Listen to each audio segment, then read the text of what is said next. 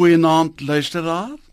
In die Bybel, Psalm 45 vers 5 staan daar 'n paar interessante woorde, naamlik ry voorspoedig.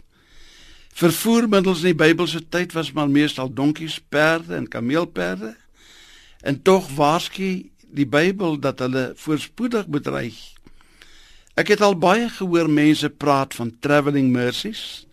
Ek het baie gereis in my lewe na verskillende lande Maar vir die een busbestuurder in Baguio op pad na Sagada in die Filippyne het ek gesê jy is 'n beter sendeling as almal van ons want op die wyse hoe jy hierdie bus bestuur leer jy baie mense bid. Werklik daar op daardie pad het 'n mens travelling mercies nodig.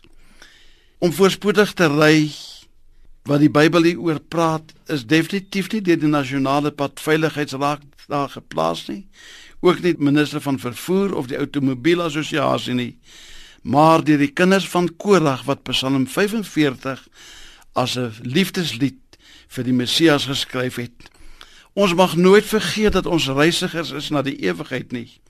Ons is nie hier vir altyd nie. Ons weet nie hoe en waar ons reis gaan eindig nie. Daarom moet ons ons daarop toespits om voorspoedig te reis en goeie padgebruikers te wees.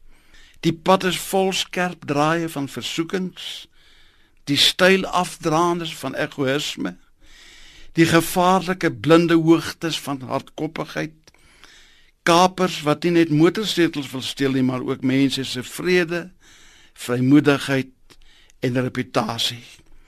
Gelukkig het ons die handboek van die lewe wat vir ons die padreëls duidelik uitspel.